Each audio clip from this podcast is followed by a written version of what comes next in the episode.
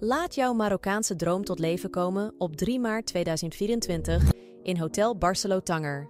Ontdek kansen, netwerk en krijg waardevolle inzichten in Marokko. Slechts enkele plekken beschikbaar voor een mooie prijs inclusief lunch. Mis dit niet. Bezoek capitalx.ma.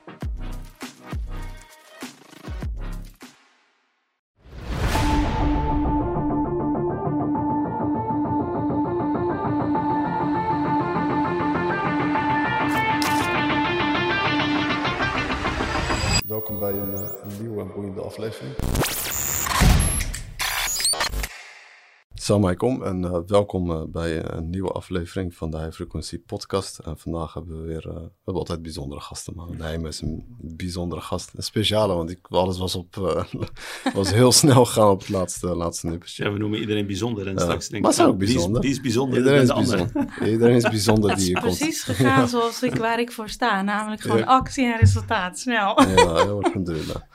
Eh ik ga je natuurlijk eerst nog even de naam voorstellen. Naima Mdoos. Of eh, Amda was het? Naima Amda voor de Hollanders. Mdoos in Marokko. Snap je? Ja, ze is dus een, eh, een result eh, mentor. En eh, daarnaast eh, is ze natuurlijk ook eh, jarenlang een onderneemster geweest. En we gaan vandaag haar eh, verhaal aanhoren natuurlijk. En eh, ik eh, kijk er al helemaal naar uit. Ten allereerst eh, van harte welkom. Dankjewel. En eh, ja, het is leuk eh, dat je bent gekomen. Ja, Ja. thanks. We beginnen altijd natuurlijk met een, eh, een vraag eh, om, eh, ja, om de kijkers een beetje meer eh, te, te komen laten weten van wie je precies bent. Dus eh, een stukje achtergrond. En ja, nee, nee, maar ga je gang, je mag beginnen. Oh, maar goed, je zei je begint met de vraag, dus eh, ja, die shoot. vraag is, ja, vertel eens wat meer over jezelf. Wie is Nijma? wat heb je allemaal gedaan? Ja, hij is Naima. Ik ben eh, ruim eh, tien jaar ondernemer. Ik ben eh, moeder van twee. Eh, ik woon momenteel in Almere, maar ik verhuis dus eh, zeer binnenkort naar Dubai. Ehm, ik eh, ja, hou enorm van ondernemerschap. Ik ben iemand die heel actiegericht is. enorm positief in het leven staat. En vooral er altijd is om ja, in het bijzonder vrouwen te coachen naar een positiever leven, een gelukkiger leven. En, en de, in de vorm waarop ze het zelf inzien en in willen kleuren. Ja, En minder zich laten leiden door angsten, twijfel, onzekerheid. En zichzelf klein houden. Eh, dat is eigenlijk mijn persoonlijke missie in het leven. ja, Ehm, ja, verder ben ik eh, iemand die houdt van eh, spontaniteit. Leuke dingen. Ik hou van reizen. En, en gewoon lekker leuke dingen doen en je, je leven inkleuren, precies. ja, mooi, leuk. En heb je nog een bepaalde studie gevolgd toen je... Ja. Ja, ik, eh, ik heb eerst commerciële economie gedaan op de HBO. Daarna heb ik een master aan de Erasmus Universiteit gedaan, Business and Economics, met specialisatie marketing. Die heb ik gedaan in combinatie met een fulltime job bij de Consumentenbond als trendwatcher.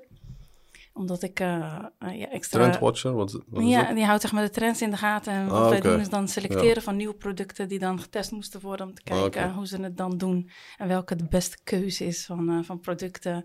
En wat voor producten dan dus nieuw en vernieuwend zijn. Hmm. Ehm, dus dat heb ik qua studies gedaan, qua gewoon school dan. Maar heel veel studies daar, ik, ja, ik hou on- ontzettend van ontwikkelen. Dus ik, ik doe regelmatig eigenlijk studies in binnen- en buitenland van cursussen. Ik ben enorm fan van Tony Robbins. Ja, Dus daar heb ik eigenlijk alles van, eh, van gevolgd. Op het gebied van business, op het gebied van persoonlijke ontwikkeling. En eh, dat, eh, dat doe ik eigenlijk continu. je had eh, evenementen bijgewoond of heb je gewoon... Ja, ja even evenementen bijgewoond. eh, zelfs onderdeel van de crew geweest. om echt ook de achterkant ook te leren kennen. dat eiland of zo waar die... hij doet het op verschillende Oké, plekken. dus het is verschillende van, van Londen, Miami, Hawaii doet hij eh, wel eens. Eh, dus Ja, wereldwijd. Ja. eh, Australië eh, doet hij. Ehm, ja, dat, de, de meeste plekken zijn eigenlijk Miami, Londen eh, en Australië, waar die vaak, eh, vaak is. ja. En Ja. Hoe, hoe ben je erop gekomen om... eh, Nou, ik, was, ehm, ik was 16 en toen had ik een zwager die al helemaal Tony Robbins fan was, Hamid. Ashraf. En eh, die, was die, die was altijd eh, nou ja, eigenlijk eh, mensen aan het, aan het inspireren met, met eigenlijk alle informatie daarover. En ik weet nog dat ik, uh, want tot de dag van vandaag pest hij me er nog steeds om. Want hij zegt, oh, nu ben je een soort van Tony Robbins geworden. Maar uh, nee. toen zei ik altijd tegen hem van, uh, jij met je gekke, zweverige gedoe. Het was toen natuurlijk echt nog zweverig. Ik bedoel, tien jaar geleden toen ik mijn gym begon en sportvoeding mindset aangaf, wist, wisten mensen niet eens wat mindset was. Die hadden echt zoiets van dat het iets zweverigs was. Dus ja, inmiddels is het 23 jaar geleden dat dat hij mij er eigenlijk mee introduceerde. En uh, nee, ik zei altijd dat hij gek was, tot, uh, tot, tot ik 17 was ongeveer. Dus een jaar later, toen, toen zei hij van, uh, ik zie hier ook het boek van The Secret liggen. Toen zei hij, weet je wat, als je niks van me aan wil nemen, lees gewoon dit boek. En gewoon kijk gewoon even wat je van vindt. En test het eens gewoon even. Dus ja, zodoende heb ik dat boek gelezen. En toen dacht ik, nou, ik ga, ik ga eens gewoon dingen eens testen en ervaren in plaats van uh, een oordeel hebben. En dat is precies wat ik eigenlijk tegen mijn coaches altijd zeg. Je hoeft mijn, mijn, hetgeen wat ik tegen je zeg, hoef je niet als waarheid voor waarheid aan te nemen, maar gaat in ieder geval alleen maar testen. Om te zien wat het voor je doet. En ik ben tot de dag van vandaag dankbaar dat ik dat gedaan heb. Want toen merkte ik van, hé, hey, dit werkt gewoon. Wat uh, werkte dan precies? Nou, dat was dus, uh, ze, ze, zeggen vaak natuurlijk wet, wet, van de aantrekkingskracht, maar ik zie het meer als zijnde van het is uh, simpelweg dat je een intentie zet, dat je een dua doet. En op basis daarvan dat je dingen naar je toe trekt. In de zin van dat het je gegeven wordt. Als het voor je weggelegd is, als je de kans grijpt, als je de omstandigheden ernaar uh, creëert. Dat het dan voor je gecreëerd wordt. Ja. En het begon heel simpel met letterlijk uh, dus een parkeerplaats manifesteren. En tot de dag van vandaag doe ik dat nog steeds. En mensen zeggen ook altijd van waarom vind jij op de drukste plekken een parkeerplaats? Omdat ik dat dus elke keer nog steeds toepas. Uh, en het werkt gewoon. Als ik dus gewoon Door, simpelweg een intentie inzet. mindset hebben. Ja, ik ga. Ik, ik, ik, dus het is, het, is, het is een intentie, maar wel met een positieve emotie. Dus emotie is heel erg belangrijk om te koppelen aan, aan een intentie. Dus het is niet uh, ook hetzelfde als dat je uh, bidt. Als je, je kan bidden, gewoon bidden, zonder eigenlijk echt gevoel of emotie erbij. Die heeft veel minder effect dan wanneer je er echt emotie in gooit en dat je echt connectie voelt. Ja. dan, dan heeft het echt veel meer effect voor je eigen gemoedstoestand. Ja. Dus zo uh, ja, ben ik er eigenlijk in, uh, in geïntroduceerd. En het ja, triggerde mij steeds meer en steeds meer. Dus ik ben vanaf toen eigenlijk heel veel gaan lezen en heel veel gaan luisteren en gaan doen en steeds meer gaan toepassen. En uh, ja, het werkte ook voor mij. Ik, ik, ja, ik, ben, ik heb gewoon heel veel resultaten ook in mijn leven behaald, omdat ik heel positief in het leven ben gaan staan. Daardoor ook. En, uh, en altijd uh, ben gaan leren om om te denken en om altijd te. ik leef echt volgens het principe van everything happens for you, not to you. Waardoor je gewoon heel goed in staat bent om ook negatieve dingen in je leven daarmee om te gaan, omdat ik ze heel snel kan omturnen naar: hé, hey, wacht even, wat voor les moet het me leren? Er, kon, er is iets beters voor me weggelegd, of, uh, of uh, het is om, om me ergens voor te behoeden. Waardoor je gewoon simpelweg veel minder frustreert in het leven, veel minder druk maakt om dingen in het leven. En dus het is, het is zo belangrijk. Daarom, ik vind persoonlijke ontwikkeling zo'n belangrijk onderdeel voor iemands leven, omdat het simpelweg je hele leven gewoon veel makkelijker en leuker maakt, omdat je omdat je leert om anders om te gaan met, met emoties, anders om te gaan met gebeurtenissen in je leven.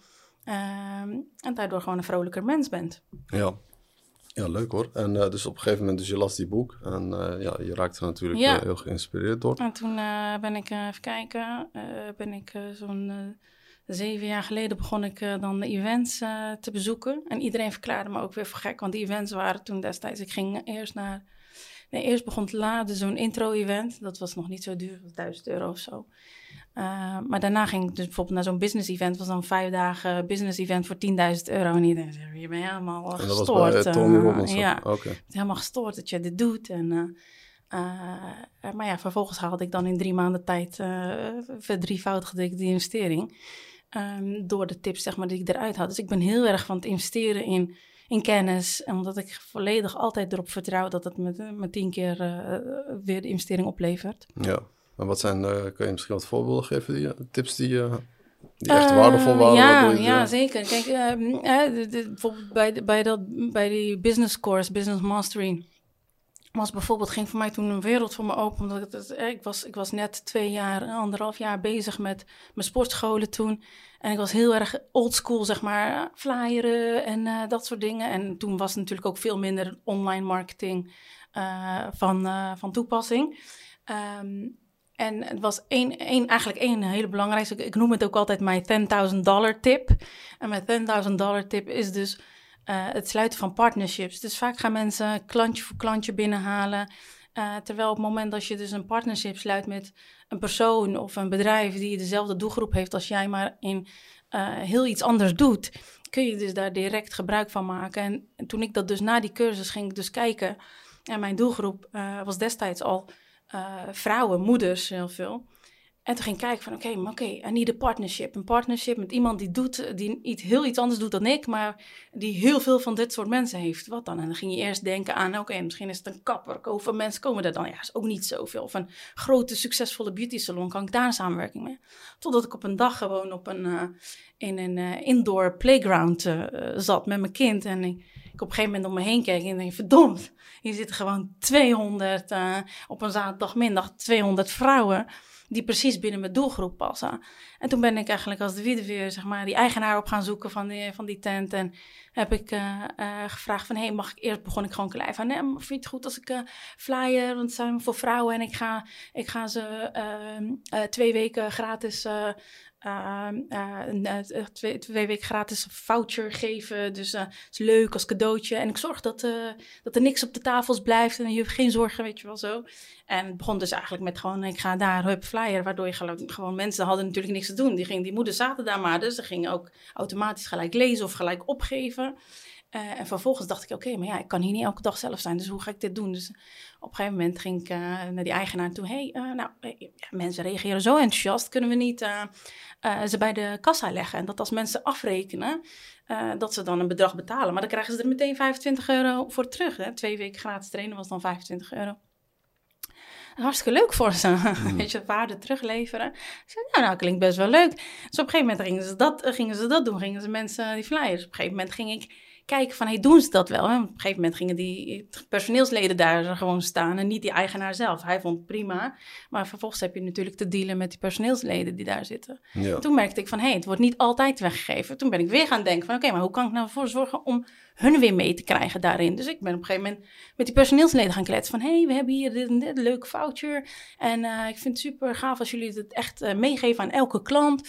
En ik wil ook wat leuks voor jullie doen, dus we gaan doen iedere tiende klant Iedere tiende nieuwe lid die erbij komt, ga ik allemaal cadeaus verloten. En het waren allemaal jonge meiden, weet je wel. Dus het waren bioscoopbonnen, eetbonnen, uh, ritualspakketten. En dan krijg je ze aan het werk, hè? Ja, dan krijg je ze aan het werk. ja. Dan krijg je dus, ze aan het werk. Dat, nou, dat was dan echt een tip waarvan die heeft, dat heeft me toen zoveel opgeleverd. Want ik kreeg echt hordes uh, mensen aan proeflessers binnen. Oké. Okay. En dan de tweede tip die daar weer mee gemoeid is, is dan uh, dat je natuurlijk ook weer moet gaan converteren. Dus hè, je hebt de potentiële, potentiële klant en dan moet je ook natuurlijk voor zorgen dat die klant dan, dat die potentiële klant dan ook daadwerkelijk een betalende klant wordt. En, um, en dat was ook dan weer um, dat, dat ik toen een, een één op eentje met Tony Robbins uh, had in de zaal. En, um, en dat hij dan, dan eigenlijk vroeg van oké, als een potentiële klant dan voor jou staat, maar die denkt gewoon, hey, who the fuck are you? Dus waarom moet ik een commitment afgeven. Hè? In ons geval in de sportwereld natuurlijk zes of twaalf maanden abonnement. Maar ik moet mijn commitment afgeven, maar wat, wat voor garantie geef je mij? Dus je verwacht van mij een commitment als potentiële klant, maar wat voor garantie geef je mij? Dat heeft me toen helemaal weer doen denken van, oké, hoe ga ik dit oplossen inderdaad? Hè? Dus hij zei van, oké, als jij een potentiële klant binnen wil halen, ja, zorg maar dat jij je hand in, in het vuur durft te steken. Dus hoeveel vertrouw je in, in je product? En ik had echt zoiets van, nou, ik heb echt 100% vertrouwen in mijn product. Iedereen die eenmaal het, het proef ervan proeft, was altijd super enthousiast. En, uh, dus daar had ik echt nul twijfel over. Ja. Dus toen heb ik bijvoorbeeld 30 dagen niet goed geld teruggarantie in het leven geroepen. En bam, mensen werden gewoon daar waar mensen altijd normaliter dan... Uh, uh, zeiden van, oh, nee, ik ga er thuis nog even over nadenken na, na een proefles. Gingen mensen meteen aanmelden, doordat we ook zeiden van, als je nu direct aanmeldt, kreeg je ook nog gratis handschoenen erbij. Dus het was en, en, en. Dus op een gegeven moment ging het echt, ja, sky high, het rolde zo in één keer. Dus ik dacht echt van uh, iedereen die, uh, die zei van je bent gek dat je 10.000 uh, euro investeert in vijf dagen. Nou, ik had het dus de bond was terugverdiend. Ja, dat is mooi. Ja, ja zeker. Maar ik ben, ben daar ook voorstander van. Ja. En, ja. Hey, maar zullen we gelijk, ik denk, want je had het al een stukje over je eerste onderneming. Was het je eerste on onderneming, Punch? of, nee, nee, nee, het was niet. Eerst was de Sales Creation. Uh, Ik heb heel veel geleerd. Dus mijn, mijn zwager die had vroeger een marketingkantoor uh, waar ze ook heel veel deur-aan-deur verkoop deden. En ik ging als bijbaan deed ik, ging ik meedoen. En daar heb ik toen eigenlijk zoveel van geleerd. Ik zeg altijd, ja, eigenlijk heb ik daar meer geleerd dan al van al mijn opleidingen samen. Omdat je daar ontzettend veel ja, zelfvertrouwen van creëert. En heel erg vooral salesgericht leert om tegen neetjes te kunnen. En dat kan omturnen en dat je het niet persoonlijk opneemt. En dat je daardoor door kunt gaan. En daar heb ik toen zoveel geleerd. En uh, ja, ik werd, daar, ik werd daar zo goed in eigenlijk. Dus ik, ik verdiende op mijn 16e, 17e verdiende ik al 150, 200 euro op een avondje. Uh, omdat ik gewoon goed, uh, ja, er goed in werd. En, um, en dat, dat stukje heb ik toen op een gegeven moment in een saleskantoor ben ik daarmee begonnen. Toen ben ik de deur aan deur, deur, aan deur verkoops gaan trainen op het creëren van sales. Nou, op een gegeven moment vond ik dat niet meer. Uh, dat heb ik toen een, uh, een jaartje of twee gedaan. En uh, op een gegeven moment vond ik dat niet leuk meer, omdat ik gewoon te veel pushen als mensen niet, niet genoeg zelf wilden, omdat het heel veel commissiewerk was. Dus mensen moeten echt wel interne motivatie hebben. Um, en daarna ben ik weer even in loondienst gegaan als accountmanager. Uh, dus ik ben altijd wel van de vrijheid geweest. Dus ik heb altijd alleen maar banen gehad waarbij ik vrij had, ha, vrijheid had. Dus ik had uh, een auto en uh, dingen. En ik kon gewoon vanuit huis, ging ik dan klanten bezoeken en mijn sales doen. En op een gegeven moment had ik het weer zo'n goede relatie gebouwd... dat ik eigenlijk niet eens meer recht op bezoek hoefde... maar ook met een belletje de sales binnen, binnenkreeg. Dus ik had best wel gewoon relaxte banen. Um, en toen was ik dat ook weer zat. Dus ik ben, ik ben iemand die heel veel variatie houdt. Dus ik wil zo hard kunnen groeien als dat ik zelf wilde. Want op loondienst werkte ik, ja, ik merkte gewoon dat, er, dat ik continu een plafond voelde. Omdat er altijd wel weer een manager boven je zat die dan de komende tien jaar nog niet ging vertrekken. Dus ik zag nooit perspectief van. En ik wilde altijd heel snel groeien, iets eh, een jaar, anderhalf jaar onder de knie krijgen en weer door. Um, en dat kon dan vaak natuurlijk niet. En dus op een gegeven moment uh, ja, zag, ik daar, zag ik dat ook niet meer zitten. En toen zat ik niet zo lekker in mijn vel. Uh, en toen was ik ook, uh, ja, toen was, toen was ik al een paar jaar getrouwd. ik was toen, uh, wat was ik toen? Even kijken, ik ben nu 40, dus ik was in 30. Oké. En toen dacht nee, nee, toen was ik al eerder, tien jaar ben ik begonnen, 25, 26. 25, 26. En toen dacht ik, oké, okay, ik, ik ga dit anders doen. En toen dacht ik, ik ga beginnen met trainen, want ik zat niet lekker in mijn vel. En in mijn studententijd had ik ooit gebokst. Uh, dus dacht ik, nou, dat is het enige, enige sport eigenlijk uh, waar ik mijn ei in kwijt kon en wat, waar ik discipline voor kon opbrengen. Uh, dus dacht ik, nou, dat, dat is iets wat ik dan weer moet gaan doen, omdat ik niet tevreden was met mijn kilootjes. toen ben ik gaan omswitsen van, van boksen naar kickboksen omdat Remy Bonjaski in mijn, in mijn straat eigenlijk een, net op dat moment dus een gym opende. Toen ben ik daar begonnen. Toen was ik in drie maanden tijd iets van 14 kilo afgevallen. Uh, dus dat ging echt als een tierenlier. Dus ik kon helemaal mijn ei kwijt in dat kickboksen. En kreeg weer een hele boost qua zelfvertrouwen. En op een gegeven moment werd ik er zo enthousiast over dat ik een sportopleiding erbij ging doen. Uh, en, uh, en toen op een gegeven moment ging het, uh, ja, ben ik nog wedstrijden aan gaan doen en alles, want ik wil altijd ergens naartoe werken.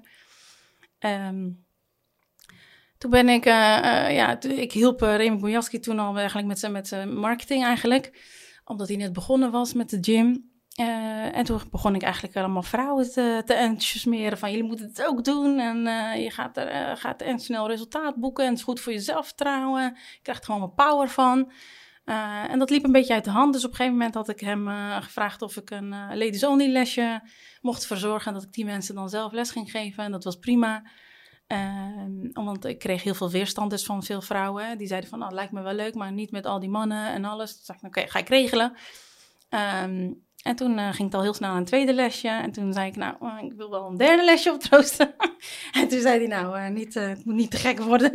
een beetje uit de hand gelopen hobby. Ja. dus, um, dus toen, ja, toen, toen, moest ik, toen voelde ik weer die plafond. En toen dacht ik, oké, dit werkt ook niet. Uh, ja, en toen kwam het idee van... Uh, en toen deed ik al af en toe op zondag... Uh, Punch Bootcamp heette het toen. Kwam af en toe op Facebook, komt die herinneringen naar voren. Van, van destijds in het park deed ik al op zondag kickboxles geven. En toen kwam het idee van, ja, ik ga het dan wel zelf doen. Het is er niet. er waren, geen, er waren natuurlijk wel women-only gyms, maar niet... sorry, er waren wel women-only gyms, ja, gewoon fitness en reguliere groepslessen. Uh, en er waren natuurlijk wel dojo's die dan uh, één of twee keer in de week women-only lessen gaven. Maar er was geen gewoon kickbox gym alleen voor vrouwen, zeven dagen in de week. Dus ik dacht, ja, oké, het is iets wat al bestaat. En dit is ook weer iets wat ik altijd als tip geef aan ondernemers. Je hoeft niet per se het wiel helemaal opnieuw uit te vinden. Je moet alleen maar kijken naar hoe kun je een draai geven aan iets uh, om het je eigen te maken en om het weer onderscheidend te maken. En dat is precies wat ik toen eigenlijk gedaan heb. Kickboksen bestond al, kickboksen voor vrouwen bestond al. Alleen het bestond niet in de vorm waarin ik het wilde. Namelijk allemaal gericht op positiviteit, op enthousiasme, op empowerment. En dan zeven dagen in de week in een roze omgeving. Met allemaal quotes aan de muren. En, uh, en uh, ja, toen ben ik eigenlijk in diep gestapt. Ik heb letterlijk een maand tijd het idee uitgewerkt. Maar ik had gewoon geen geld. Ik stond ook rood. Dus uh, uh, iedereen die altijd zegt: Ik heb geld nodig om te ondernemen. Ja, bullshit. Ik ben ook begonnen zonder, zonder geld. Ja, dat is wel een leuk ehm, stukje waar we misschien wel dieper op kunnen gaan. Ja. Hoe ben jij begonnen? Ja. ja. ik moet af en toe maar even onderbreken. Hè? Ah, ja. ja. dit zijn altijd een van de belangrijkste punten eigenlijk die, die, eh, die, die interessant zijn voor, voor de kijkers natuurlijk. Want de meeste mensen denken als, als je een ondernemer bent of je bent al een gevorderde ondernemer dat je, dat je geld hebt of dat je, dat je, dat je, dat je vader je gesponsord hebt of iemand anders of wat dan ook. Ja, dat je kapitaal had. Dat je kapitaal had, maar dat is helemaal niet zo. Nee, dat is zeker niet zo. En kijk, er zijn vooral vandaag de dag zijn er natuurlijk gewoon, is het vele malen makkelijker geworden omdat je ook nog zoveel online uh, uh, kunt doen tegenwoordig met weinig, uh, weinig geld.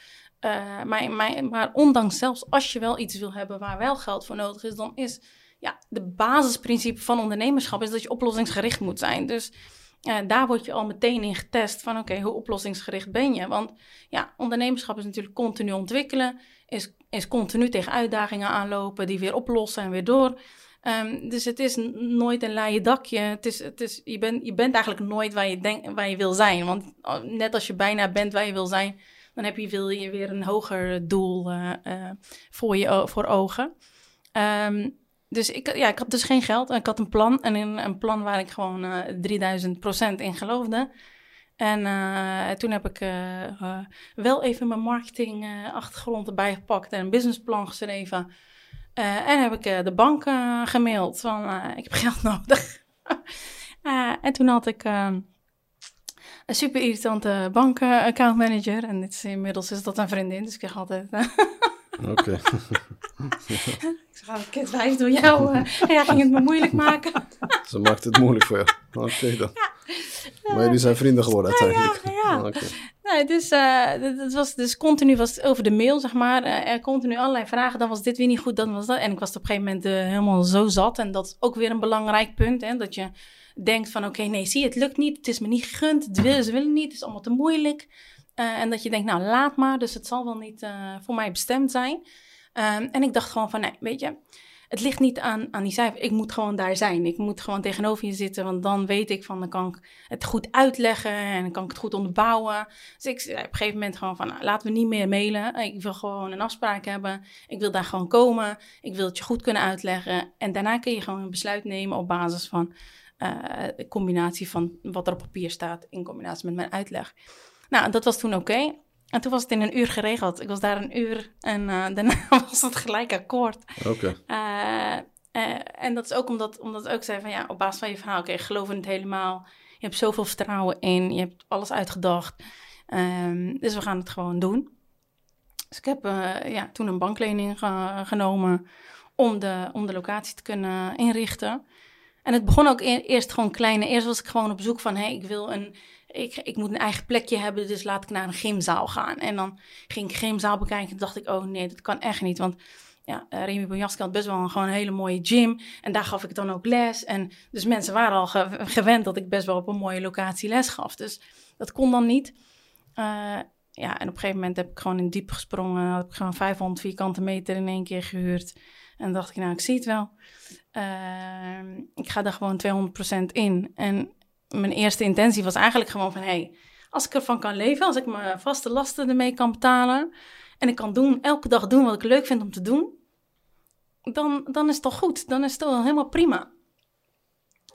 Dus toen uh, uh, ja, ben ik eigenlijk begonnen met uh, ja, kleinschalig heel veel zelf doen natuurlijk. En in, in het begin, als je net begint, ben je gewoon, heb je alle functies in één. Dus ik was en de Bali-medewerkster en de schoonmaker en de trainer en de administrateur en alles in één.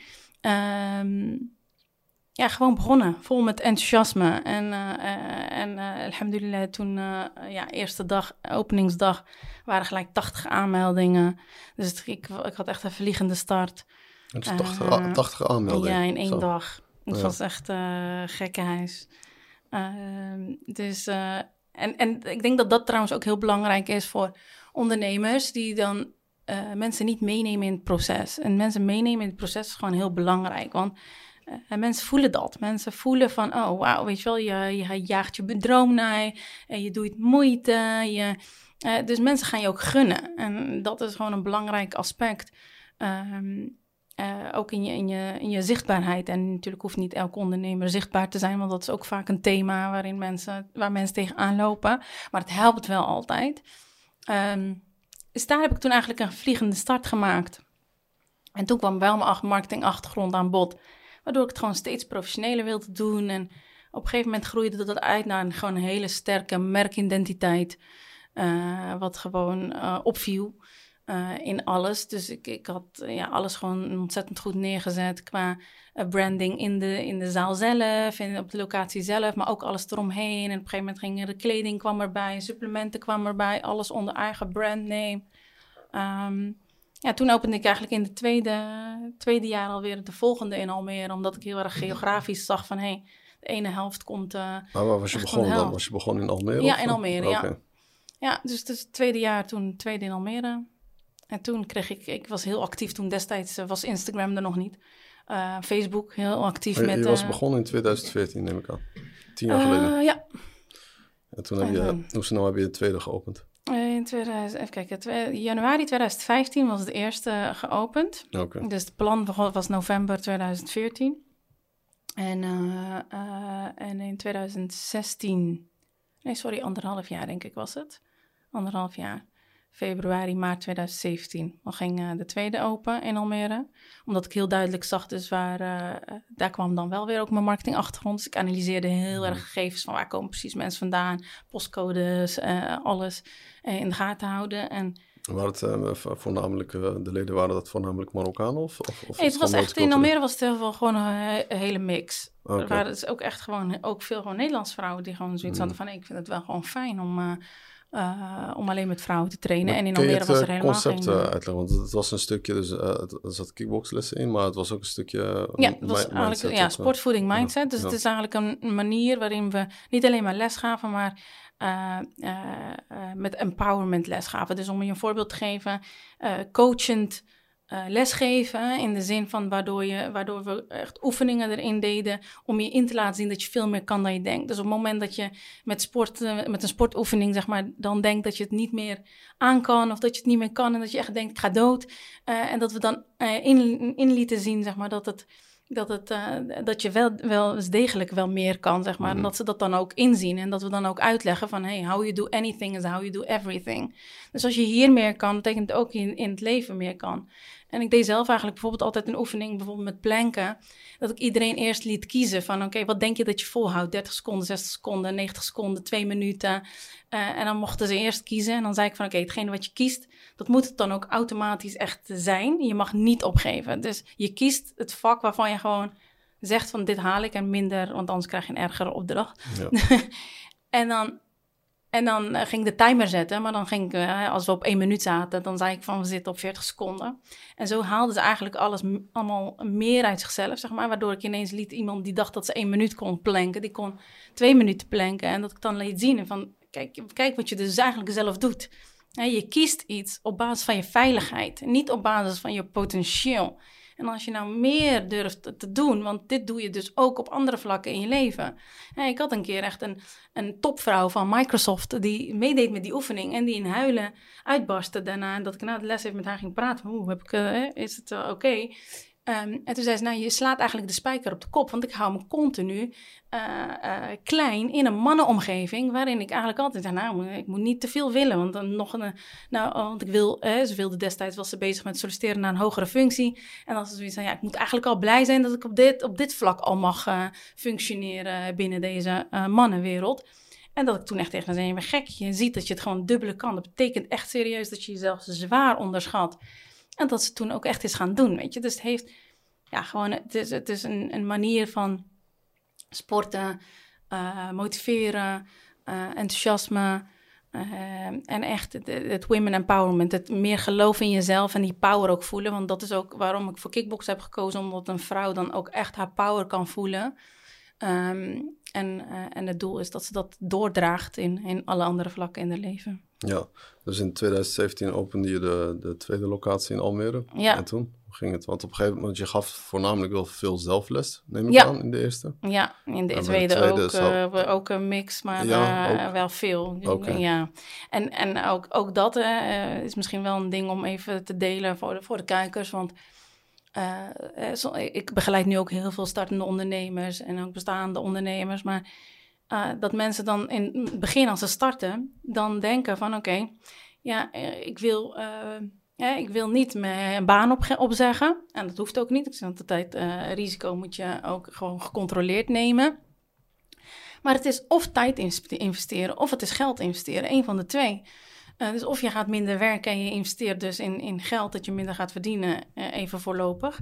Of je gaat extra tijd investeren. Dus ik werkte, ja, toen ik net begon, was het gewoon gekheid. Ik opende om uh, acht uur, half negen s morgens uh, de sportschool. En uh, dat ging een rondje rond. En ik was denk ik om ergens middernacht een keer klaar. omdat na, naast het lesgeven en socializen... en ik gaf nog personal training... en ik gaf nog eens aan stichtingen les... en, en vervolgens s s'avonds weer lesgeven... en dan administratie daarna. En je moet wel ja, eager genoeg zijn omdat het in het begin, nee, het levert niet altijd direct geld op. En ja, er zijn nu online superveel mogelijkheden en het kan inderdaad ook snel gaan. Uh, maar het kan ook niet zo snel gaan. Uh, dus waarbij je dus, mm, ja, ik vind altijd, je moet echt wel die hustlers mentality hebben. Uh, van dat je wel er doorheen kan om, om gewoon door te blijven gaan. Uh, dus ik gaf heel veel ja, zelfles. Ik, uh, ik was overal nergens. En, en, zelfs toen ik drie locaties had, was ik daar, daar, daar, daar, daar. Uh, op, op, probeerde op drie, drie plekken tegelijk te zijn. En wanneer heb je dat dan opgebouwd om dat uit te geven? Om dan personeel in te nemen? Nou, dat kwam eigenlijk bij de derde, bij de derde locatie. Omdat ik toen... Ehm, dus in, in, bij de eerste twee kon ik het nog heel goed met z'n twee managen. Ik had wel al personeel, maar zo min mogelijk eigenlijk. En toen bij de derde dus ik deed heel veel met, uh, met, uh, met Facebook uh, destijds qua, qua plaatsen van filmpjes en alles. En toen kreeg ik op een gegeven moment heel veel reacties uit Amsterdam van... hebben we dit niet in Amsterdam? En waarom hebben we dit niet in Amsterdam? En dat kreeg ik op een gegeven moment zoveel te horen dat ik dacht van... hé, hmm, misschien is het ook wel wat voor daar. En toen begon eigenlijk het idee te stemmen van... oké, maar hoe ga ik dit dan doen als ik dit echt zou uitbouwen naar andere steden. Want ik kreeg op een gegeven moment ook letterlijk door het hele land kreeg ik echt mensen van kun je hier komen alsjeblieft en kun je hier komen alsjeblieft. En toen dacht ik, oké, hoe ga ik dit doen? En dacht ik, oké, uh, Almere kon ik op een gegeven moment dat ik een, een vertrouwd groepje. dacht ik, oké, ik ga Amsterdam openen. Dan heeft eerst, ik, ik, begon na een jaar al, al in Amsterdam te kijken. En toen heeft het volgens mij anderhalf jaar geduurd voordat ik überhaupt ooit een pand kon vinden. Dat is dan natuurlijk drama in Amsterdam om een pand te vinden wat ook nog eens de juiste bestemming heeft. En ehm, ja, dat was toen eigenlijk ook gekkenhuis. Daar zat ik in drie maanden tijd met, vol met 500 leden. Dat was echt... Uh, ja, dat is maximaal ook wat jullie inschreven? Toen daar, toen daar wel. Ja, uh, in Amsterdam was een kleine locatie. Dat was oh, maar 200 vierkante meter, 220 vierkante meter was het mhm. destijds. Mm. toen ja, ging dat zo hard. Um, maar toen, toen, daar heb ik dus toen drie maanden zelf gestaan. En daarna heb ik een team opgebouwd, tegelijkertijd een team opgebouwd. En toen ben ik daar eigenlijk weer een beetje teruggetrokken, dus dat ik er weer alle drie locaties deed. Uh, dus daar moest ik gaan leren loslaten. Uh, en dat is natuurlijk ook echt een thema uh, bij ondernemers: van heel veel zelf doen en niet willen loslaten. En dat het dan ook niet helemaal op jouw manier gaat. En dat is het ook nooit. En ik zeg altijd van, wat ik andere mensen ook weer leren, is als je zelf het niet meer allemaal gaat doen, dan, ja, dan moet je er eigenlijk al van uitgaan. Het, het zal niet jouw 100% kwaliteit meer hebben. En het zal niet meer 100% zijn zoals jij wil dat het is. Uh, want dat gaat gewoon niet. Maar wat je daarmee vrij speelt, is dat zijn die 30% kosten eigenlijk. Die 30% kosten die je moet maken in, in kwaliteit of in, in hoe jij het ziet. Het is niet per se de, de, kwaliteit naar de klant toe, maar de kwaliteit die jij als ondernemer natuurlijk gewoon in je hoofd hebt van wat je, uh, wat je wil behalen. Uh, ja, dat is de investering die je doet om, om, het, om, om te laten groeien, om, uh, om het op te schalen, om niet alles zelf meer te hoeven doen. En om jezelf ook niet in de ronde te blijven werken. En dat is, ja, dat is de investering die je moet doen om ook eigenlijk weer je eigen vrijheid klaar te spelen. Want dat is uiteindelijk waar we altijd allemaal beginnen. Waarom we altijd allemaal beginnen met ondernemerschap. En op een gegeven moment is iedereen caught en hebben ze helemaal geen vrijheid. Ja, ja, ja, ja dat is wel. Ja. En toen op een gegeven moment ben je, want, je, ja, je hebt toen uiteindelijk Vierde geopend. Ja, eerst dus even kijken, het was 2018. Maar hoe, hoe, nam die, hoe nam je die beslissing? Want je zat vol bij de derde waarschijnlijk, wat was dan... ja, en toen ben ik gelijk op zoek gegaan eigenlijk alweer naar een ander pand. Het heeft Oh, ook weer twee jaar geduurd voordat ik kon verhuizen. Dus ik zat dan heel lang vol. Ik had werkte echt met wachtlijsten Je bent, daar. verhu- eh, je bent verhuisd, niet een Ja, andere net, erbij. eh, net na corona ben ik verhuisd in, Ah, eh, in Amsterdam. Ben ik gewoon tegenover gaan zitten, schuin tegenover gaan zitten. Ehm, En dat is de, degene die nog steeds bestaat? ja, Ah, Oké. ja, Ja. Oké, dat was een grotere pand. ja, die is eh, Oké. 500 vierkante meter. Ja. Ja. Dus eh, even kijken. Dus na jaar drie, zeg maar, had ik dan de derde geopend. En dan in jaar vier eh, twee locaties tegelijk. Oké. Dus dat was eh, durf, heftig. Ja. dat was dat was heftig. twee verschillende steden. Eh, ja, twee verschillende steden. Even kijken, waar was dat? Eh, dat was Rotterdam en, en Utrecht. Nee, Utrecht en Den Haag had ik tegelijkertijd geopend. Nee, even kijken. Ja, nee, wel. Nee, Rotterdam en Gouda, sorry. Vierde jaar was Rotterdam en Gouda. Vijfde jaar was dan Utrecht en, en Den Haag tegelijkertijd ook. Oké. In dezelfde maand. Eh, dus dat was heftig. Dus eh, in jaar vier had ik ook even een eh, nervous breakdown, want ik deed alles zelf. Hm. Eh, Dus ik regelde ook een hele bouw en verbouwing en alles zelf. Dus ik ging alles even voor bouwbedrijven spelen. In de zin van alles en iedereen op elkaar afstemmen en weet ik wat allemaal. Totdat ik op een gegeven moment dacht van, waar ben ik in godsnaam mee bezig? Want ik ging dus op een gegeven moment, oh, het is gewoon niet leuk meer. Dus dat, dat is de kant die mensen niet zien van ondernemerschap. Dat ik op een gegeven moment merkte van, ik zat echt eh, om middernacht, zeg maar, nog tegels eh, te drukken eh, op mijn knieën. En dat ik dacht echt van, dat ik om me heen keek en denk, waar doe ik dit allemaal voor? En dat je letterlijk gewoon in, in huilen uitbarst en denkt van, ja, wat is dit? Wat doe ik? Weet je wel? Dat je, Ja. dat je op een gegeven moment, dat kan natuurlijk ook enorm een, eenzaam voelen soms ondernemerschap. Dus ja, ja, waar ben ik in godsnaam mee bezig? Ja, en dat is het moment waarop ik toen dan besloot, weet je, ja, fuck it, het geld is maar geld, komt en gaat. Ehm, eh, ik ga een bouwbedrijf in, in handen nemen, super professioneel. Het kost me, kostte me dubbel zoveel Oh, je terugverdientijd. renovatie zelf?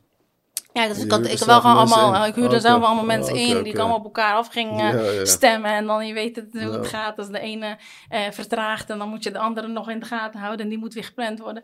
Maar een, een en al eh, stress. En eh, als de opening zeg maar was, dan was ik alweer helemaal eh, uitgeblust. En dacht ik, nou oké, het is weer klaar. En dan had ik weer een week om bij te komen. En daarna dacht ik weer, nou, de volgende. Wat wordt de volgende locatie? Zo gaat het, hè? Eh, nee, maar daar heb ik ook weer van geleerd, zeg maar. Omdat dat, dat, dat is ook weer iets waar ik mensen wel weer vaak nu voor, voor behoed, zeg maar. Hè. Jezelf in acht houden, want ja, uiteindelijk ben je zelf natuurlijk het allerbelangrijkste factor. Ehm, en dat, dat was ook het moment waarop ik dacht van... hé, ik, ik moet gewoon echt wel eh, gewoon veel slimmer gaan ondernemen. En, ehm, en dingen anders gaan doen. Want eh, op een gegeven moment ga je, ga je gewoon het niet meer leuk vinden. Ehm, dus ik heb toen besloten gewoon, oké, om dus dan, dan maar het dubbele aantal kosten en dus dubbele ver- eh, terugverdientijd. Eh, maar is prima. ja. Ja. En dat ging naar de vierde of vijfde of zo? Dat je op een gegeven moment dan eh, ja, bij de vierde, ja. dat je een bedrijf had ingeschakeld? Ja, Oké. Ja. En toen ging het ook eh, ging het beter? Of, eh, ja, het ging zeker beter. want ik had die hoofdpijn niet meer in ieder geval van, van de locaties klaar, klaarmaken. Ehm, nou, in de tussentijd had ik trouwens ook nog een franchiser. Dus ik had ook nog op een gegeven moment besloten van... nou, ik ga Punch ook franchisen om het nog sneller te laten groeien. Mm. dus ik deed twintig dingen tegelijk. Um, dus ik had een franchiser in Hoofddorp, die er ook bij was gekomen.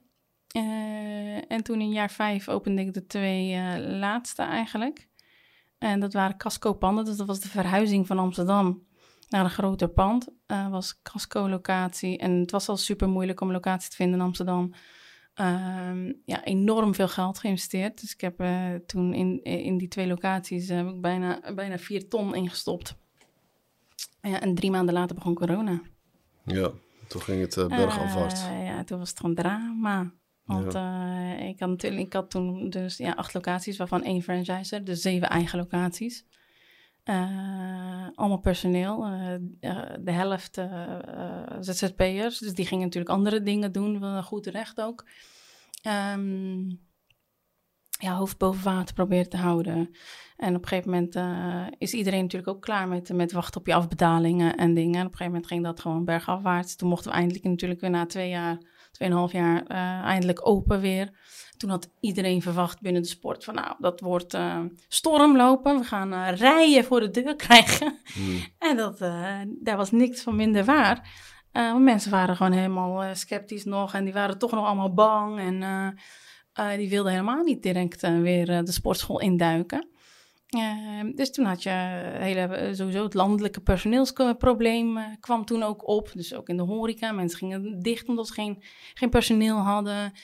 Je moest het doen met minder kwalitatief personeel, wat natuurlijk ook weer kwaliteit niet ten goede kwam. Vervolgens kreeg je een hele energiedrama erachteraan, waarbij je ook het personeel, zeg maar, niet, niet het vaste team had, die helemaal betrokken was, maar mensen die eigenlijk uurtjes even kwamen maken, alles aanlieten. dus op een gegeven moment kreeg ik rekeningen van 3000 euro per, per locatie en energie. Ja, en toen dacht ik, waar ben ik in godsnaam mee bezig? Ja.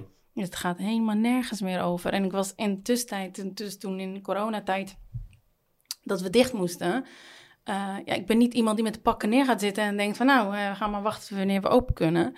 Uh, maar ik, ik, deed al coaching, zeg maar, tussendoor allemaal. Terwijl ik met mijn gyms bezig was, deed ik al uh, ja, mensen coachen, omdat, uh, omdat ik al vaker gewoon aanvragen kreeg. Dus dat ging, begon ik op een gegeven moment steeds meer te doen.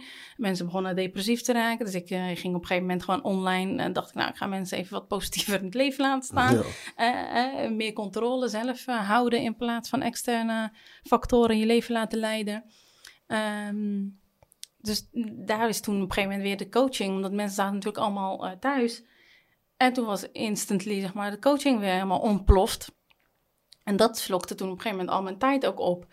Ehm, en, dat vind ik ook ontzettend leuk, want dat is eigenlijk ook waar ik de gym ooit mee ben begonnen, omdat ik het coachend aan het uh, lesgeven was. Het ging mij nooit om het kickboksen zelf, maar echt om, om, wat, uh, uh, om wat je kon bereiken met het, met het, met het kickboksen qua empowerment. dus toen ben ik weer veel meer op mindset gaan coachen en op business gaan coachen. En uh, ja, dat is weer ook weer een uit de hand gelopen hobby uh, ja, dus, geworden. Dus mijn ondernemingen zijn allemaal sowieso uit de hand gelopen hobby's. Mm -hmm. um, en ik, vind dat, ik denk dat dat ook altijd de meest succesvolle zijn. Omdat je natuurlijk niet, uh, niet zo op de tijd zit. En dat je gewoon het leuk vindt om te doen. En dat je daardoor ook gewoon veel meer eruit haalt. Um, ja, toen stortte dus eigenlijk alles in. maar tegelijkertijd was er een, ja, was eigenlijk de deur weer geopend van het uh, online coachen, uh, de vrijheid weer meer. Dat is een hele belangrijke kernwaarde voor mij, vrijheid. En uh, het was toch lastig geworden, ook acht locaties, 80 man personeel. Uh, overal nergens zijn, kwaliteit hoog houden. Dus het slokte best wel veel op.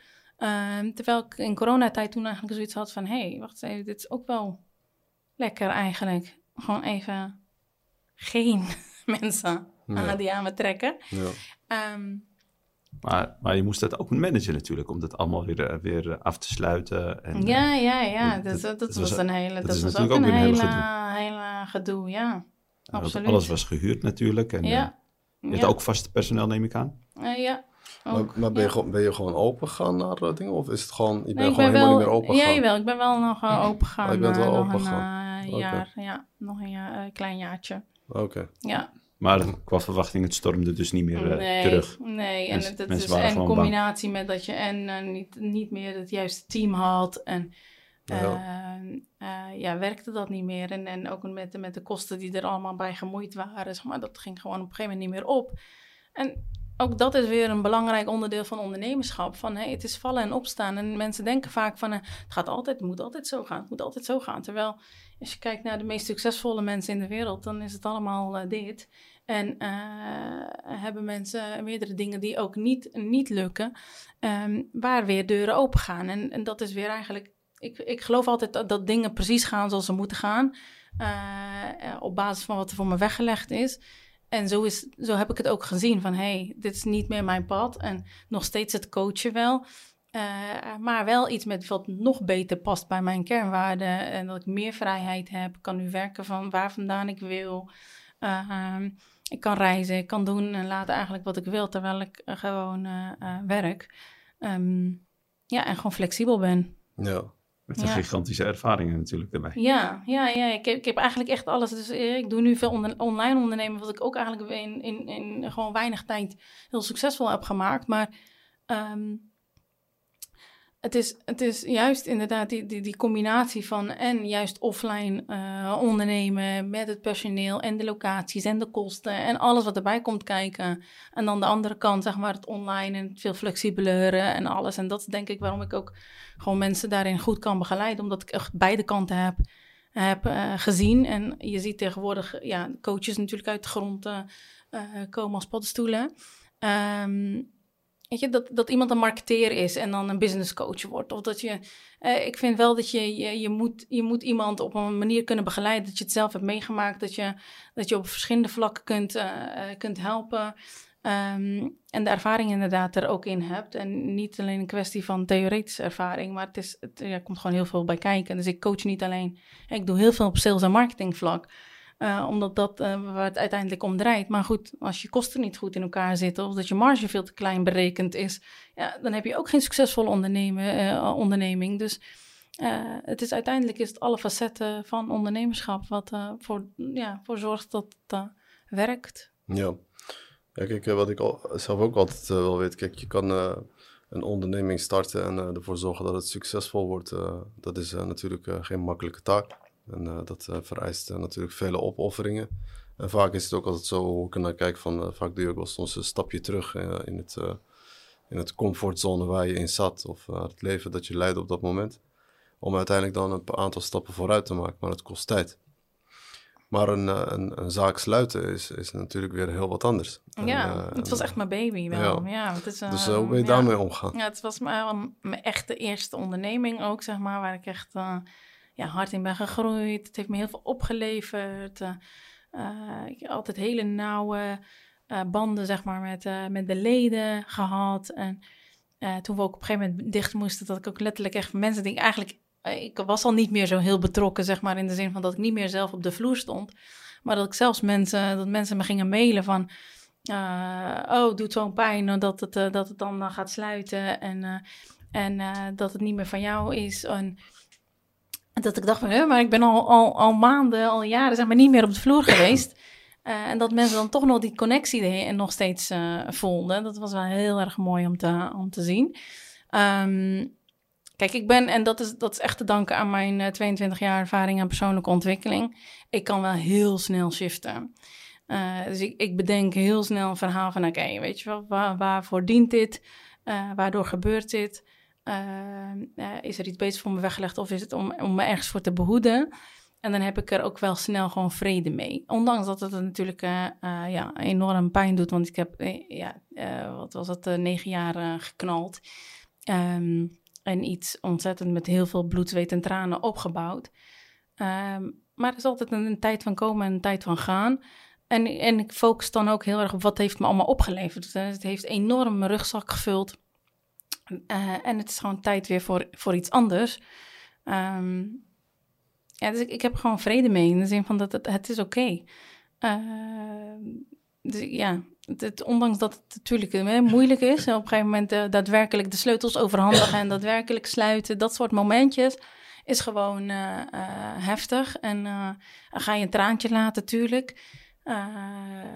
Maar ja, uiteindelijk is het, is het, ja, is het een business en, ja. en, en dan ga je, ga, je, ga je door.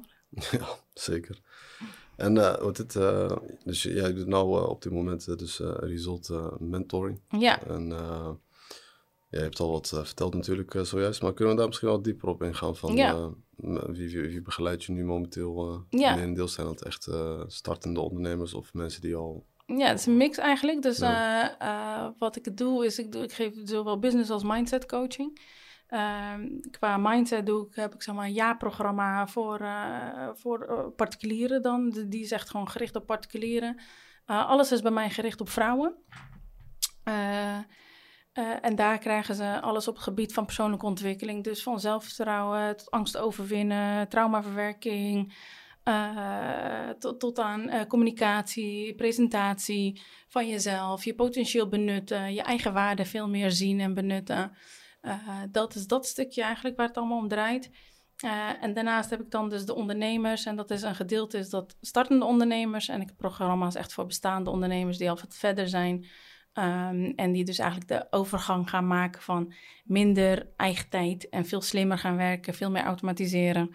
Uh, veel minder eigen tijd investeren, maar wel weer hogere resultaten behalen.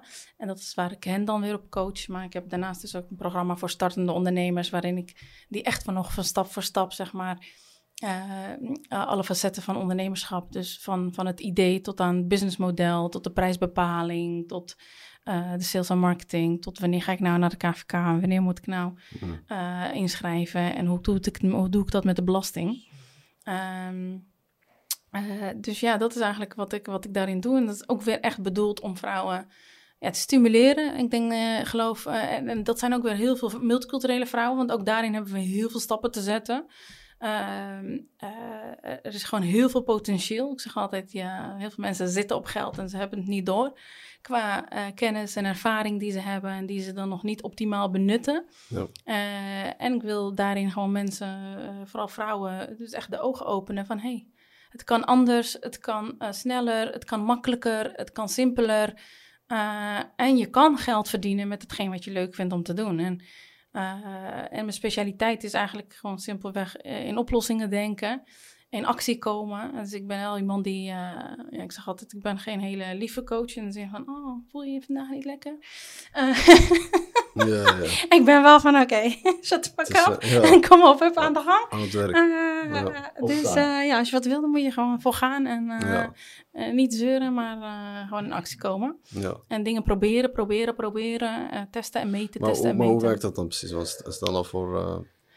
Oké, okay, er is een vrouw die wil dan starten met haar onderneming. Ja. En hoe, hoe gaat dat? Gaat dat? Zijn dat een aantal lessen per week? Of, ja, dus wat we doen is, uh, dat is een, een, een, jaarprogramma, zeg maar. Want ik heb wel oh, het is een jaarprogramma. Ja, het is dus okay. wel echt van, oké, okay, uh, wil je een onderneming starten en laten groeien, dan heb je gewoon, wel, gewoon minimaal een jaar nodig om dat gewoon goed neer te zetten. Dan geef je daar ook garanties? Of, uh, is dit, Nee, kijk, garantie kan ik je natuurlijk okay. niet geven, want ja, ik kan garantie geven. Op, nee, maar als, als, garantie, als, het stukje dat je hebt betaald, garantie om een, een onderneming succesvol te maken is moeilijk. Maar ik bedoel, is dat hetzelfde marketingstrategie wat je dan bijvoorbeeld ook bij de fitness had gedaan? Want je zei van dat je op een gegeven moment uh, zei van als het niet goed was, dan uh, kon je je geld terugkrijgen. Of ja. is dat dan bij dit niet? Nee, omdat dit, oh, okay. dit is natuurlijk, hè, het is afhankelijk van of je er zelf wat mee, uh, mee, mee doet. Oh, ja, en ze krijgen natuurlijk, hier, omdat het online programma is, krijgen ze gelijk toegang tot allerlei videocursussen ook. Oh, okay. Dus ze hebben enerzijds krijgen ze allemaal videocursussen. Die je gewoon zelf hebt gemaakt? ja, die ik zelf heb, heb opgenomen. En daarnaast hebben ze um, om de week, en we gaan nu naar uh, het vertalen naar elke week, hebben ze, uh, het zij een live sessie van mij, het zij van een andere succesvol ondernemer uh, of van een specifieke expert. Dus we hebben een, een advocaat die een masterclass geeft over alle juridische valkuilen. we hebben een accountant die alle tips en tricks geeft met betrekking tot financiën. we hebben een branding specialist, we hebben een websitebouwer. Dus we hebben van allerlei disciplines, zeg maar, iemand die uh, die ze weer enthousiast maakt en die oplossingen aandraagt. We hebben een adverteerder die uitlegt hoe, hoe begin je met adverteren als je nog niet het budget hebt om het uit te besteden. Dus ik krijg eigenlijk best wel veel en in de cursus zit dus eigenlijk ook eigenlijk, hier begin je. En dan gaan ze eigenlijk stap voor stap het idee uitwerken. en hebben ze ook altijd de mogelijkheid om vragen te stellen. Zeg maar, tijdens de live sessies hebben we altijd daarna een Q&A. Uh, waarin ze vragen kunnen stellen. En dan doe ik ook interventies. Dan kunnen de rest kan, kan meeluisteren. En dan coach ik iemand eigenlijk direct van: oké, dit kun je doen, dat kun je doen. Uh, zo en zo kun je het aanpakken. Uh, en dat vind ik ook heel waardevol. Juist als je, want soms weet je zelf niet eigenlijk dat je die vraag hebt. En als iemand anders hem stelt en je kunt meeluisteren, dan is het gewoon heel waardevol. Ja. Um, dus dat is eigenlijk het, het, eigenlijk het programma voor ondernemers die tussen de 0 en 7.500 euro omzet per maand zitten. En dan heb ik een uh, exclusieve programma voor ondernemers die minimaal 10k omzet uh, zitten per maand. Uh, waarin ik het anders aanpak. Dat is dan een deel, hebben ze dan elke maand een, een online bijeenkomst. En ieder kwartaal hebben we een hele dag. waarbij ook weer soms of een expert komt of ik zit zelf met ze. ze hebben een aantal één op één sessies. Uh, en daarin werken we dus echt het slimmer werken. Dus daarin eigenlijk uh, hebben we daar een paar fases in van oké, okay, in eerste instantie het analyseren van je bedrijf. Tweede fase het optimaliseren uh, van hetgeen wat je op dit moment aan het doen bent. Vervolgens kijk ik eigenlijk naar strategie en waarin kun je eigenlijk shifts maken om veel makkelijker geld te verdienen uh, en op een simpelere manier te werken door te automatiseren of dingen net anders te doen of het aanbod te veranderen. Uh, daar vallen ook heel vaak uh, kansen in te pakken, omdat mensen gewoon doen wat ze gewend zijn te doen en op een gegeven moment dus niet meer zien van hé, hey, maar wacht even, als ik dit zo omdraai, dan, dan kan, ik dat, kan ik dat anders doen en kan ik er eigenlijk veel meer aan overhouden. Um, ja, dat is wat zij dan uh, ja, krijgen. dat zijn uh, leuke dingen. ja. ja, zeker. En daarnaast doe ik trouwens ook nog af en toe één op één sessies. Uh, ja. één op één klant heb ik ook nog. Dat zijn VIP dan? ja, ja. ja, die kunnen me altijd bellen en appen. het is alleen voor start-ups dus? Nee, nee, nee dus, dus, dus het, het, jaar, het online jaarprogramma is voor starters. Dus, dus die zitten tussen de 0 en 7.500 euro omzet per maand. En degene die zeggen van, uh, ik heb een idee, maar ik weet niet waar ik moet beginnen Ja, die, beginnen, die kunnen dan daarin beginnen. Die kunnen, die kunnen ja, daar ook. Die kunnen daar, daar beginnen inderdaad. Want daarin krijgen ze echt van start tot aan groei.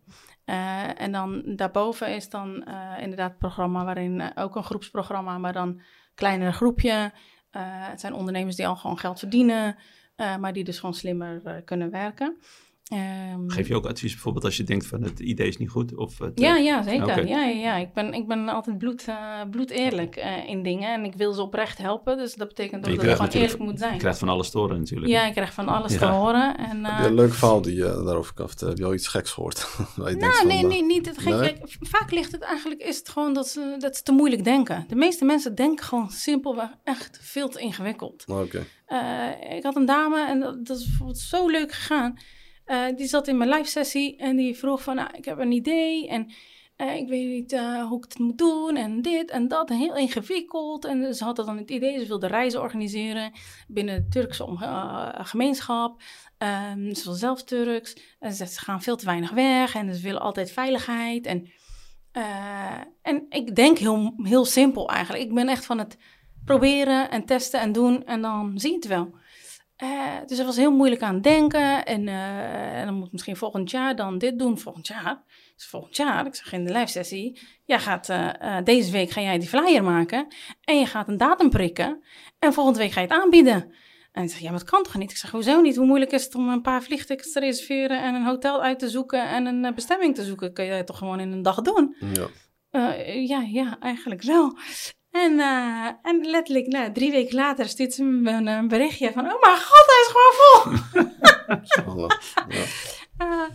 uh, weet je, dat zijn gewoon superleuke uh, leuke dingen ja. om, om, om te zien. Ehm, maar ja, ook genoeg vaak mensen die dan niet, niet doen. Hè? Dus in die creatiefase blijven zitten van... oh, maar mijn logo is nog niet mooi genoeg. En, fuck je logo. Al, al, al, die bullshit doet er allemaal niet toe. Ik wil dat je sales gaat maken. Ga maar eerst eens verkopen. Maakt niet uit op welke manier. Je gaat eerst eens testen en proberen dingen te verkopen. Ja. Uh, ik ben zelf ook gewoon, ik, ik probeer dingen gewoon. Ik ben nu hier in Marokko. Ik, uh, uh, het is gewoon letterlijk een idee die drie weken geleden ontstaan is van hey, uh, ik krijg wel vaker als ik in Marokko ben en zo van oh, en dit en dat. Ik dacht ja, eigenlijk, waarom zou ik het niet in Marokko kunnen doen? Ook gewoon met andere experts die dan gewoon lokaal zijn. Uh, en dat ik gewoon copy-paste doe wat ik hier doe. Dus ik ben letterlijk gewoon op Instagram gaan zoeken naar... hey, is er iemand in, in Marokko die dus al bezig is met persoonlijke ontwikkeling... al een beetje een following heeft, zodat ik al sneller in kan stromen, zeg maar... niet zoveel opbouw meer heb. Uh, dus ik heb letterlijk iemand gewoon via Instagram gevonden... Uh, Zoom-meeting mee, mee gehad. drie uurtjes alles doorgenomen. En ik zei, nou is goed, ik kom naar Marokko en dan gaan we gewoon dingen eens proberen. Ja. Uh, dus niet zo bang zijn om, om dingen te testen, want alleen dan heb je uh, antwoord of iets wel of niet werkt. En vaak blijven mensen in de creatiefase zitten van dat ze bang zijn om erachter te komen of het wel of niet gaat werken. En dat ze dan het gevoel hebben van, dan heb ik misschien gefaald. Of wat zullen andere mensen denken van, oh, dadelijk werkt het niet. En dan moet ik en aan mezelf toegeven en aan anderen uh, dat het niet, uh, niet werkt. En dan blijven ze vaak in de creatiefase zitten van, ik ben bezig met mijn onderneming. Uh, uh, dus daar probeer ik ze altijd letterlijk doorheen te pushen. Ja, ja. En wanneer gaan jullie van start in Marokko? We zijn eigenlijk al start uh, oh. Kunnen ja, we hebben, gelijk, okay. we hebben gelijk. Daarom zeg ik, ik ben altijd van de snel, ja. Snelle Jelle. Snelle Jelle, ja. Nee, dus we hebben... Ja, dus jij lijkt een beetje op Zender. Ja, ja, we, hebben, eigenlijk, we hebben letterlijk in twee dagen hebben we gewoon eigenlijk alles in elkaar gezet. En we hebben een masterclass georganiseerd, gratis voor haar following. Um, er waren gelijk uh, eh, 1300 uh, aanmeldingen voor de masterclass. Toen hebben we een masterclass gegeven. We hebben een zes programma verkocht die de 15, 15 februari begint. Ja. Um, dus we zijn echt al gewoon begonnen. Gewoon even gewoon tijd investeren. Ja. En kijken wat het doet. En het kan alle kanten op gaan.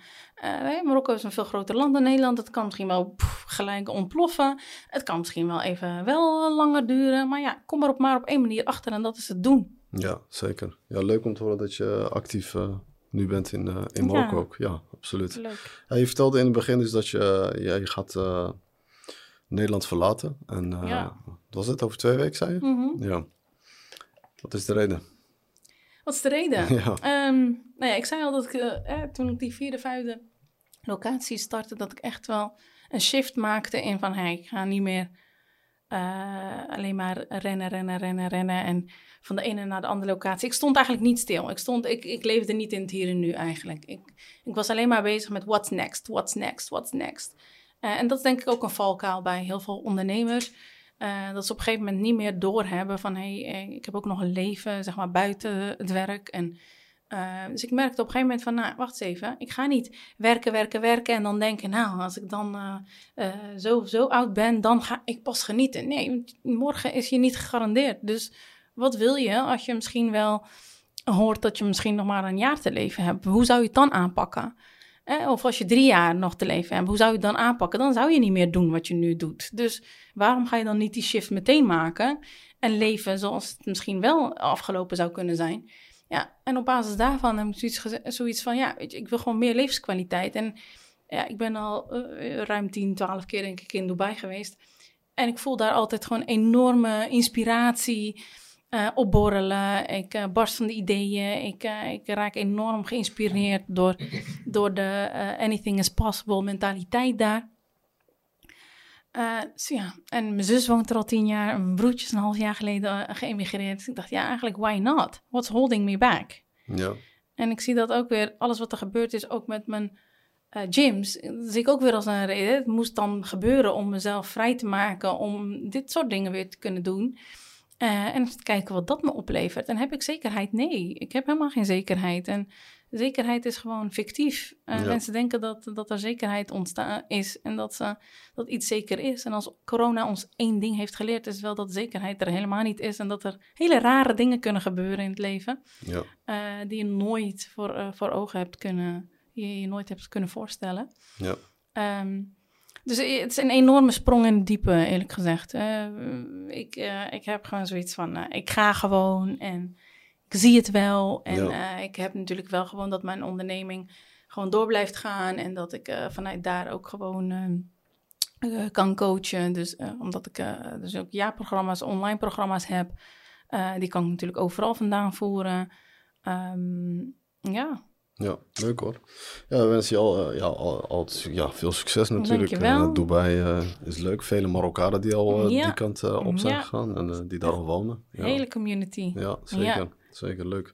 Hey, uh, je organiseert daarnaast ook uh, evenementen. Kan je ons uh, een beetje ja. meenemen wat er allemaal gebeurt tijdens die evenementen? dat is geheim. Nee. Dat is geheim. Het zijn allemaal vrouwen bij elkaar. ja, er zijn alleen maar vrouwen. er zijn ook allemaal women-only events inderdaad. Um, nou, in oktober hebben we een Women in Business event gehad. met 120 vrouwen, verschillende sprekers.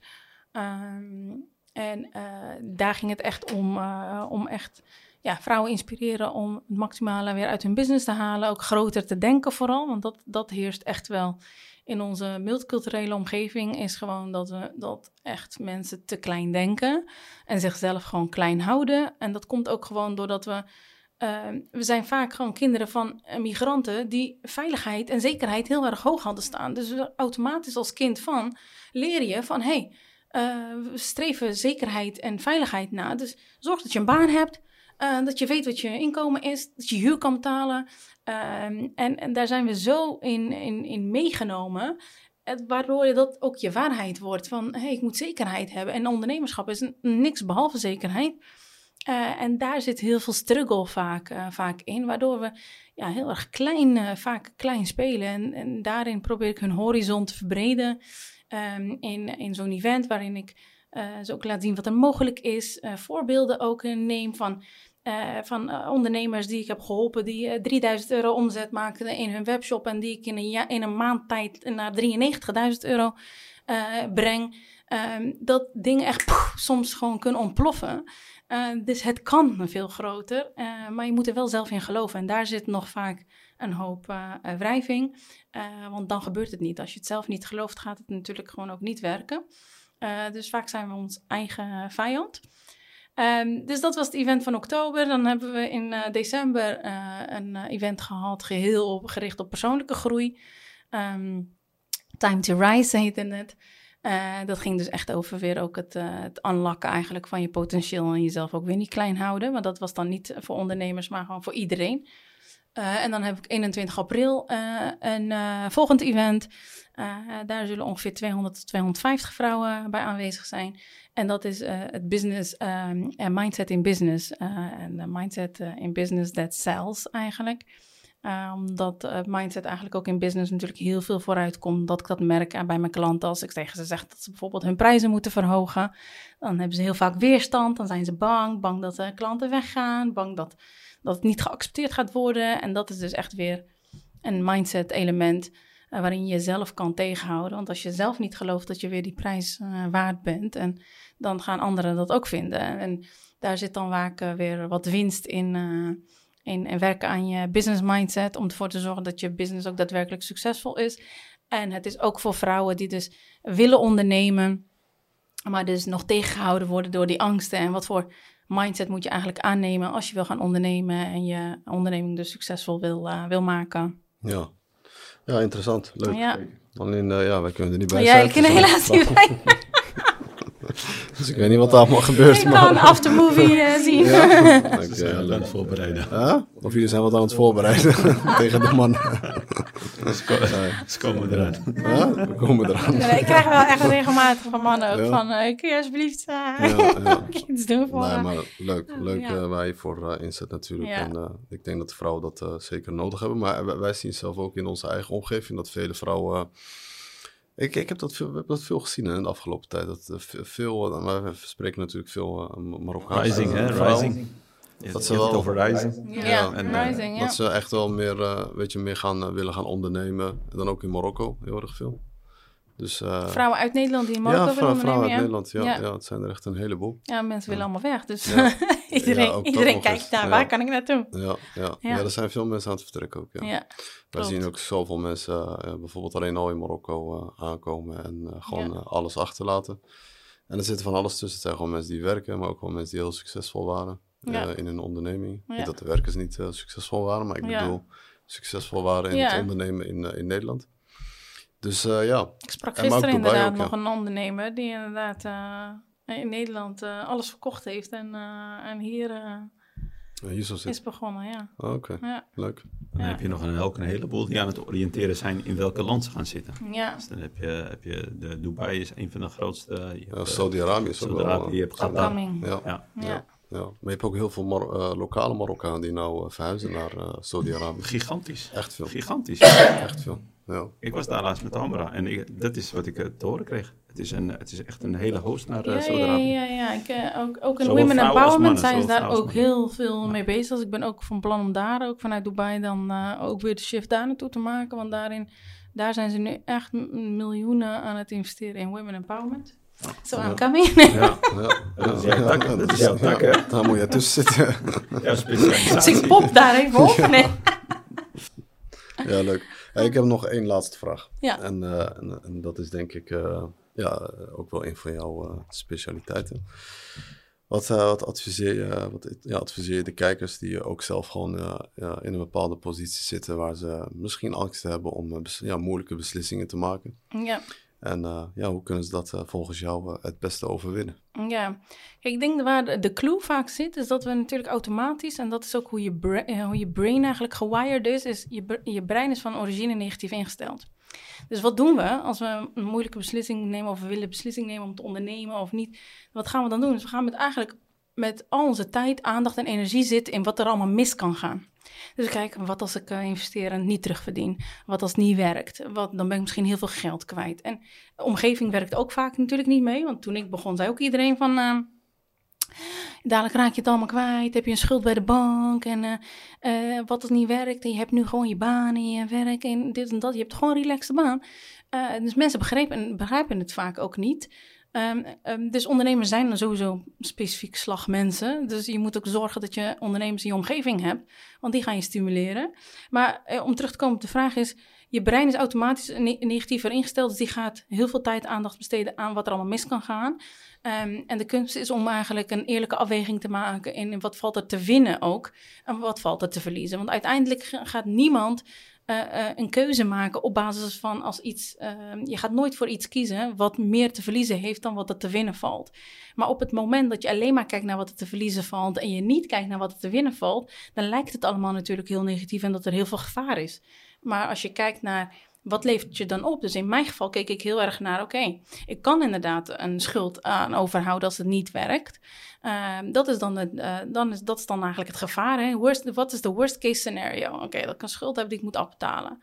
Oké, maar wat is dan het best case scenario? Dat ik kan gaan leven met, uh, van mijn passie en dat ik elke dag doe waar ik, waar ik blij van word en, en eh, dat ik daarvan kan leven. Oké, als ik daar kans op wil maken ben ik dan bereid om dit risico te nemen? En als dit risico daadwerkelijk plaatsvindt, hoe erg is het dan eigenlijk? Nou, oké, dan ga ik tig jaar afbetalen, 200 euro per maand afbetalen. En dat doe ik dan uh, tig jaar.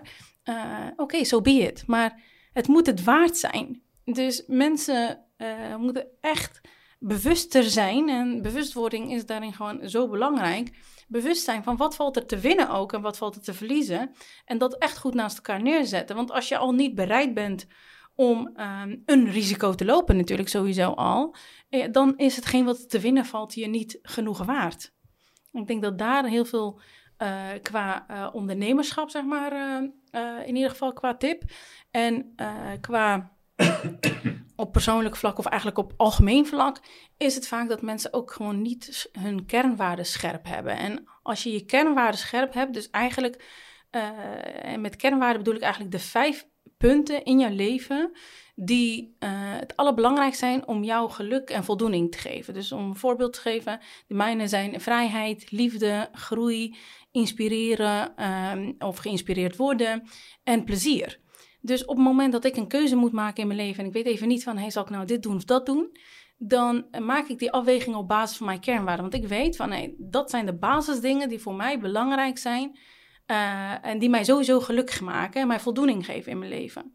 Dus als ik een keuze maak, dan stel ik mezelf letterlijk de vraag: draagt het bij aan een vorm van vrijheid? Ja of nee? Draagt het bij aan een vorm van groei? Ja of nee? Draagt het bij in een vorm van liefde? Ja of nee? Draagt het bij aan een vorm van plezier? Ja of nee? En draagt het bij aan een vorm van inspireren of geïnspireerd raken?